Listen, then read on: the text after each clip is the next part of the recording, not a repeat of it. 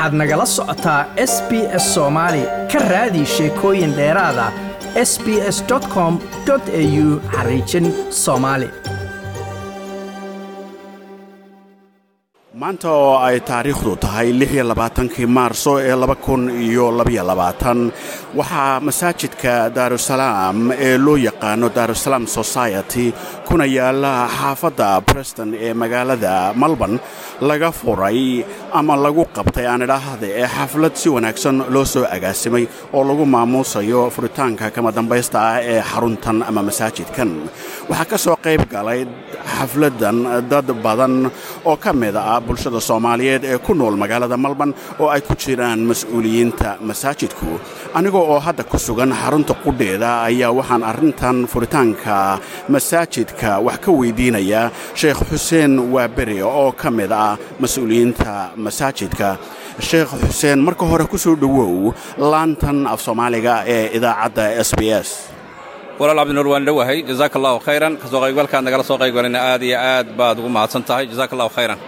Xafladdan maanta lagu qabtay masaajidkani maxay ku saabsan tahay walaal xafladdani iyadu waxay ku saabsan tahay furitaanka ee daarusalaam oo dhismo uu ka socday muddo muddadii labadii sane ee hadda lockdownkaan ku jirnay. Alxamdu lilahi rabbialcaalamiin oo ilaahay noo dhammaystiray. Aanan jecel lahay insha allahu tacala inaan ku ogno shacaa'iru ramadaan taraawiixdii iyo salaadihii iyo jumcihii inaan ku ogno ilaahay idankiisa ilaahay maaragta subxaana wa tacaala bacda muddo aan soo wadnay ilaahay waa noo dhammaystiray. Waxaan insha allahu tacala xafladdani ay noo tahay furitaankii insha allahu tacala masaajidka waa gartay xuseen masaajidku hadda ama xaruntani muddo dhowr sana ah ayay soo jirtay oo dad badan baa waxay u haysteen in uuba furan yahay. Marka furitaankan maantu muxuu yahay?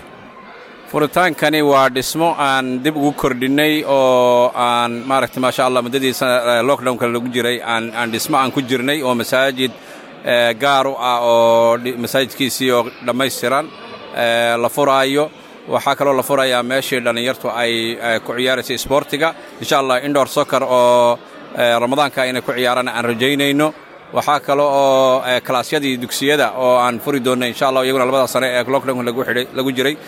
Insha allahu tacala la furi doono iyagana bacda ramadaan iyaguna aan furi doonno marka barnaamijkii activitigii maaragta alusalaam ay loo aasaasay ayaa insha allahu tacaala bilaabmaaya oo aan furayna insha allah walaal halkaana waxaa iiga muuqataa qaybtii lagu tukanayo iyadoo si fiican u dhisan. Marka qaybtan weyn ee ballaadhani ee ciyaaraha aad sheegtay ee dhallinyarada ka sokow waxyaalo kale oo bulshada ku qabsan karta miyaa jira? Insha allahu tacaala stejkii koowaad weeyaan waxaan maanta dhammaynay. Stejka labaad biidnillah ama kaalinta labaad ee aan u gudbayno waxaan ugu talagalay inaan makhaayadii resebshonkii caroosyada lagu dhiganayey iyo meeshii maaragtaan adigu musqulihii oo si fiican u dhammaystiran inaan insha allahu tacaala dhisi doonno iyagana insha allahu tacala bulshada soomaaliyeed ee inta horeba dhistatay iyagoo ka qayb qaadatay ayaan insha allah rajaynaynaa inay nagala qayb qaataan haddii alla yidhaahdo. Laakiin qaybta hore ee isboortiga iyo masaajidka saaad sheegtay walaal waa dhammaystirmeen insha allahu tacala dhallinyartana waxaan rabnaa inay ku soo hirtaan oo halkan ay ku ciyaaraan ay ku cibaadaystaan oo wax ku bartaan waxay xarunta ku taallaa meel aad moodo in ay u tahay dhexdhexaad. Deegaanada ay soomaalida ugu badan yihiin magaaladan malban gaar ahaan qaybta waqooyiga. Waxaase laga yaabaa in aanay dad badani weli aragba meesha ay tahay. Maxaa dadkaas u sheegi lahay dadka soomaaliyeed ee radioga kaa dhegaysanaya baarak allah fiika waxa weeyaan masaajidkani wuxuu dhexeeyaa xaafado badan oo ay communitygana soomaalidu ay ku badan yihiin sida hadelberg preston northcod iyo tombury laakiin baabuur baa la wada wataayoo xaafad walba waa laga iman karaa ilaa waqooyiga reserfor ilaa iyo south marang waa laga yimaadaa communitigu way ka yimaadaan. Insha allahu tacaala wax alliya waxay uga baahan yihiin oo communitigoogu ay u baahan yahay culture iyo diin iyo luqa. Intaba waa jira iyo activity sporti iyo intaba way ka helayaan insha allahu tacala waxaan leenahay ku soo hirta waa meesheennii inigaa hanti u leh waa meesheennii ku soo dhowaada ayaan leenahay insha allah walaal. Dadka baabuurta wata meel ay baabuurta dhigtaan oo baarkan ah ma leeyahay masaajidku? Wuu leeyahay dhowr iyo lixdan baarkin innagaa gaar iskaga leh waxaa kaloo nagu hareersan oo agtayada ah meelyo fara badan oo santarro ah ama macnahaan idhaahda commercial area ah oo la dhigan karo baabuurta oo loo soo lugayn karo waxba haba yaraatay wax dhibaato ah. Aanan lagala kulmi jirin. Marka baarkinku welwel ma laha insha allahu tacaala. Waana dhul industry area ah oo maalmaha kale dhul maarata warshada iyo u badan maalmaha kalena insha allahu tacaala laga maqan yahay. Waan isticmaali karnaa oo baarkinku dhibaato ma laha walaal. Insha allah jazak allahu khayr haddana waxaa ila taagan nuur fiqi oo ka mid ah mas'uuliyiinta waaweyn oo masaajidkan howlo badan ka soo qabtay. Mas'uuliyaddeedana hayay.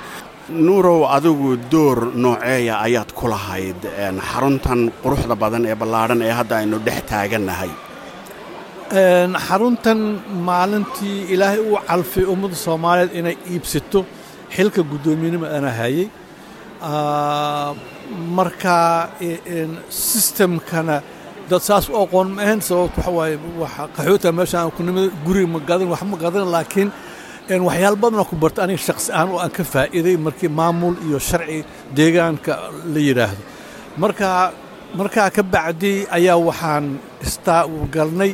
Meeshan waxaa koraysa meel badanaa ka horraysay oo aan muxuu ahayto aan ku heshiin weynay ama lacagta noogu badatay ama meelaha ay ku taal ayna maxooga communitiga ayna raalli ka ahayn hase yeeshee meeshaan consensus ayaa dadkii markii dadkii waa islaamii way yimaadeen odayaashii way yimaadeen.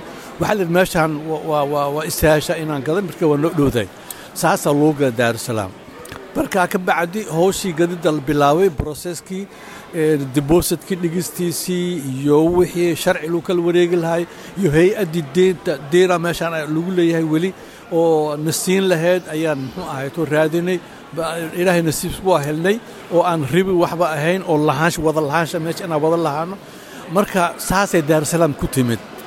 Ummadda meeshaan horta faa'iido badanay u leedahay. Soomaalida iska leh daftarkeeda faa'iide. Ummadda soomaaliyeed ay meel ah iyo masaajid gadatay oo iska leh ayaa daftarkeed wax weyn ah oo dhallinyaradii iyo wixii ay ku soo hirtaan faa'iidooyinka ugu badan waxaa ujeeddada loo asaas daarusalaam oo center inta loogu gado waxay ahayd in dhallinyarada dayacan inay halkan ku soo hirtaan. Sababtun waxa waaye haddii qudbi wadaad meeshan u istaago oo ilaahay saasuu yiri rasuulkiisa saasuu yiri janno inaana jirto dadka ma ku imaanayaan? Waxyaal soo jiita dhallinyarada loo baahan yahay. Marka in center community center oo basketballka iyo soccer iyo volleyboolka iyo iyo dugsiyadii wax lagu baranayay dhallinyarada lagu soo jiito markii waqtiga salaad ay salaad salaad yidhaha la aadaab ay dukadaan ayaa ujeedda weyn ay ahayd.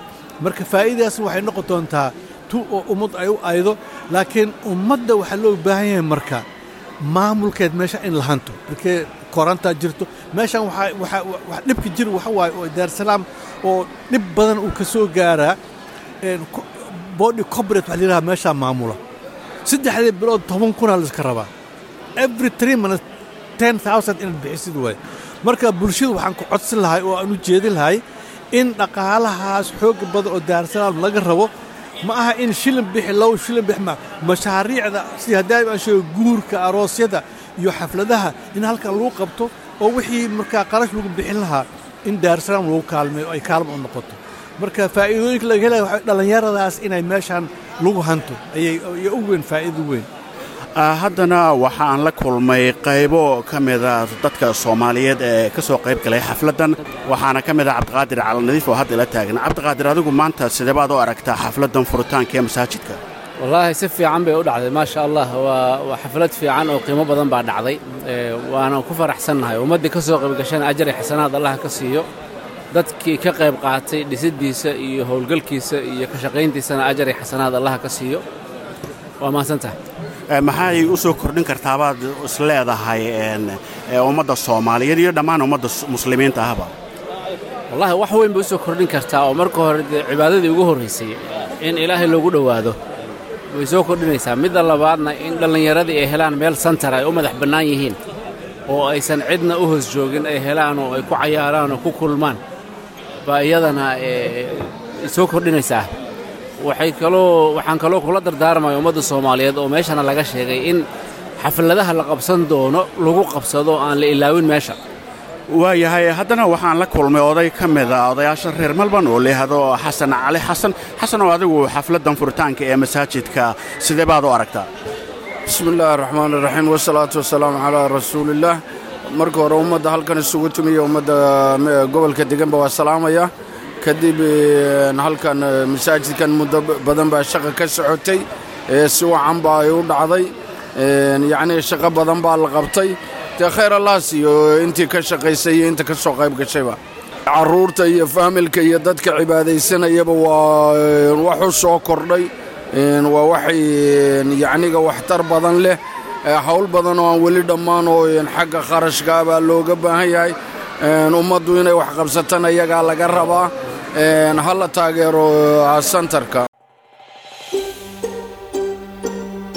Ma doonaysaa sheekooyinkan oo kale ka dhegayso apple podcast google podcast spotify ama meel kasta oo aad podcastigaaga ka hesho